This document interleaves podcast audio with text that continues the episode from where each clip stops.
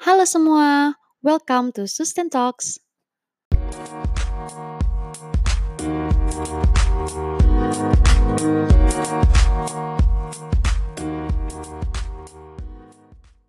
Kembali lagi di Sustain Talks bersama aku Tias, the founder of Sustaination. So, di episode kali ini aku pengen ngebahas tentang food waste, di mana aku pikir kalau food waste ini atau menyia-nyiakan makanan itu adalah suatu hal yang nggak penting atau cenderung konyol sih menurutku. Tapi sebelum mulai mungkin aku pengen ajak nostalgia sedikit ke masa lalu waktu teman-teman masih kecil. Pernah gak sih teman-teman tuh dengar orang tua kalian tuh bilang, eh makanannya dihabisin ya, nanti makanannya ini nangis gitu. Atau misalnya uh, buat keluarga Jawa gitu, dibilangnya, ayo nasinya dihabisin, nanti Dewi Srinya marah gitu.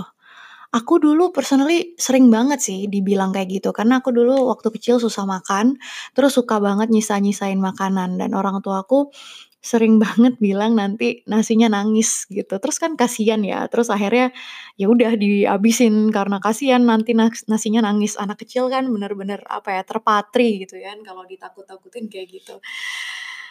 Tapi menurut aku um, suruhan orang tua aku itu uh, wajar sih dan masuk akal. Karena menurut aku bukan cuma nasi sih yang akhirnya nangis tapi tanpa kita sadari jutaan orang kelaparan di mana gitu yang kita nggak tahu. Kalau sampai mereka ngeliat kita buang-buang makanan itu kayaknya kok sedih banget gitu ya dan nggak sampai hati lah ya. Istilahnya kayak kita lagi lapar terus kita ngeliat teman kita ngebuang makanan sisa gitu aja gitu tanpa merasa bersalah. Itu kan kayak remuk banget hati ini ya. Tapi selain itu banyak juga alasan-alasan yang membuat uh, kenapa sih food waste ini tuh suatu hal yang gak penting dan seharusnya tuh jangan sampai terjadi. Yang pertama, food waste ini gak penting buat kejadian kalau ternyata itu faktanya masih banyak orang-orang kelaparan di dunia ini dan masih banyak uh, teman-teman di luar sana yang masih mengalami gizi buruk. Data dari FAO, Food and Agriculture Organization of United Nations, jadi ini lembaga dari PBB, uh, mereka punya data dan mereka bilang kalau setiap tahun itu ada 1,6 miliar ton makanan itu terbuang. Padahal dari jumlah ini 1,3 miliar tonnya itu masih layak makan.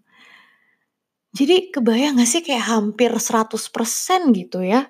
Makanan yang terbuang itu ternyata masih layak makan, masih bisa dikonsumsi sama orang lain gitu. Dan ternyata cuman butuh seperempat dari 1,3 miliar ton tadi untuk memberi makan ke 800 70 juta penduduk dunia dan mengakhiri krisis kelaparan dunia. Coba bayangin, kalau seandainya kita nggak buang-buang makanan, makanannya bisa kita kasih ke orang-orang yang belum seberuntung kita gitu. Ya orang-orang yang kelaparan, yang susah banget cari makan. Sama seperti perkataan dari Pop Froese tahun 2013, beliau bilang, wasting food is like stealing from the poor. Which is true. Karena ada hak orang lain di situ dari makanan yang kita buang. Terus gimana sih keadaan di Indonesia? Itu tadi kan kita ngomongin lebih ke global scale. Sekarang di Indonesia gimana? Dari data The Economist Intelligence Unit, Indonesia ini menduduki peringkat kedua sebagai negara yang membuang makanan terbanyak di dunia setelah Arab Saudi. Rata-rata satu orang Indonesia itu membuang sebanyak 300 kg makanan layak makan setiap tahun. Padahal masih ada 19,4 juta rakyat Indonesia yang masih mengalami gizi buruk. Ini tuh kayaknya ya, kalau Indonesia bisa masuk urutan kedua, itu mungkin feelingku sih karena ada event kayak pernikahan, terus acara-acara gitu sih ya, ya yang um, makanannya itu suka bersisa berlimpah-limpah, terus instead of dikasih-kasihin ke orang lain, itu dibuang gitu.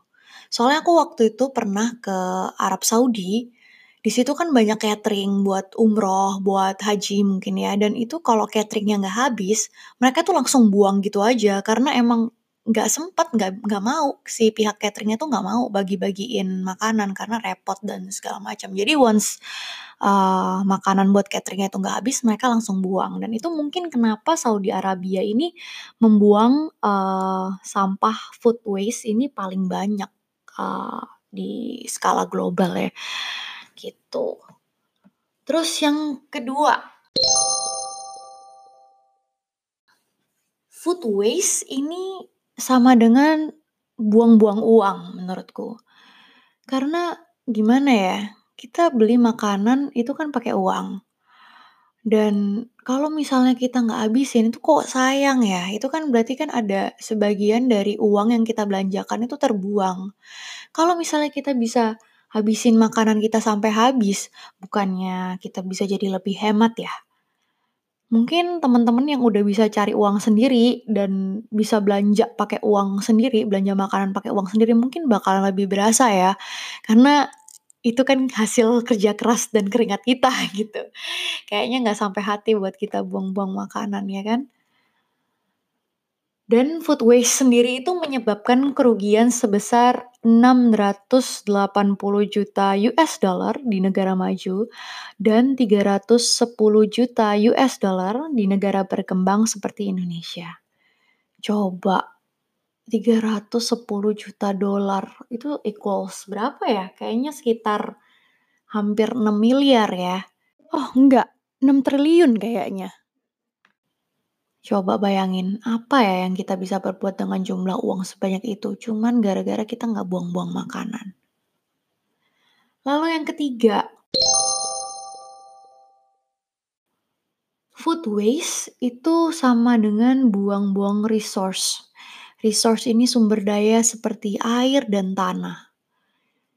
Data dari FAO menunjukkan bahwa dibutuhkan volume air sebanyak 250 km kubik per tahun atau senilai seperti volume air di Danau Toba untuk memproduksi 1,3 miliar ton makanan yang terbuang tadi.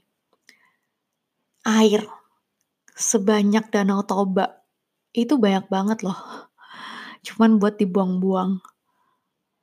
Terus, selain air, buat ngeproduksi makanan yang tadi 1,3 miliar ton tadi itu diperlukan luas tanah pertanian sebanyak 1,4 miliar hektar atau sebesar 28% lahan pertanian dunia. Luasnya ini sama dengan 1,5 kali daratan Cina. Gede banget ya? Coba bayangin, 28% lahan pertanian di dunia ini itu dipakai untuk nothing, bukan buat apa-apa, buat makanan yang bakalan dibuang-buang. Such a waste of resource, you know. Padahal tanah ini bisa dibuat yang lain kan? Instead of buat pertanian mungkin bisa buat hutan atau buat wilayah konservasi, ya nggak sih? Dan yang terakhir, food waste ini merupakan salah satu penyebab efek rumah kaca dan uh, perubahan iklim atau climate change. Kenapa? Kok bisa? Karena jumlah emisi karbon yang dihasilkan dari food waste ini diperkirakan mencapai sebesar 3,3 miliar ton CO2 setiap tahun. Kalau misalnya food waste ini diibaratkan negara, Negara food waste ini merupakan negara ketiga penyumbang emisi karbon terbanyak penyebab efek rumah kaca dan perubahan iklim di bumi. Nomor satunya Cina, nomor duanya US, nomor tiga food waste, nomor empatnya India. Gila, nomor tiga loh ngalahin India. Sebanyak itu karbon dioksida yang diproduksi gara-gara cuman kita ngebuang-buang makanan. So, gimana sih caranya supaya kita itu nggak buang-buang makanan? Gimana supaya kita nggak menciptakan food waste? Yang pertama adalah source reduction. Seperti prinsip zero waste pada umumnya, kita merefuse dan mereduce, di mana kita menyelesaikan masalah di awal, bukan di akhir. Gimana sih cara-cara buat mengurangi uh, potensi terjadinya food waste? Kalau aku, aku biasa bikin daftar menu mingguan. Karena aku belanjanya itu cuma seminggu sekali dan kadang-kadang mungkin di tengah minggu tuh ada belanja sedikit gitu. Aku bikin daftar menu mingguan. Jadi di waktu aku belanja, aku tahu aku mau belanjain apa dan aku tahu seberapa banyak. Jadi waktu aku masak, aku tahu itu nggak akan ada yang terbuang. Terus yang kedua, aku biasa uh, lakukan adalah aku punya daftar belanja. Tentu dong kita nggak bakalan, uh, beli barang yang kita nggak butuhin kalau kita punya daftar belanja. Ini sebenarnya usaha untuk mengurangi jajan, apa ya, impulsif gitu ya. Sebenarnya jadi lebih hemat juga sih karena kita nggak jajan-jajan impulsif. Terus cara selanjutnya adalah simpan bahan makanan dengan baik. Jadi kayak sayur, buah itu kita pelajarin gimana caranya kita supaya bisa nyimpen sayur dan buah itu, uh, lebih lama, jadi nggak cepet busuk. Karena kalau busuk ya ujung-ujungnya kita mesti buang kan.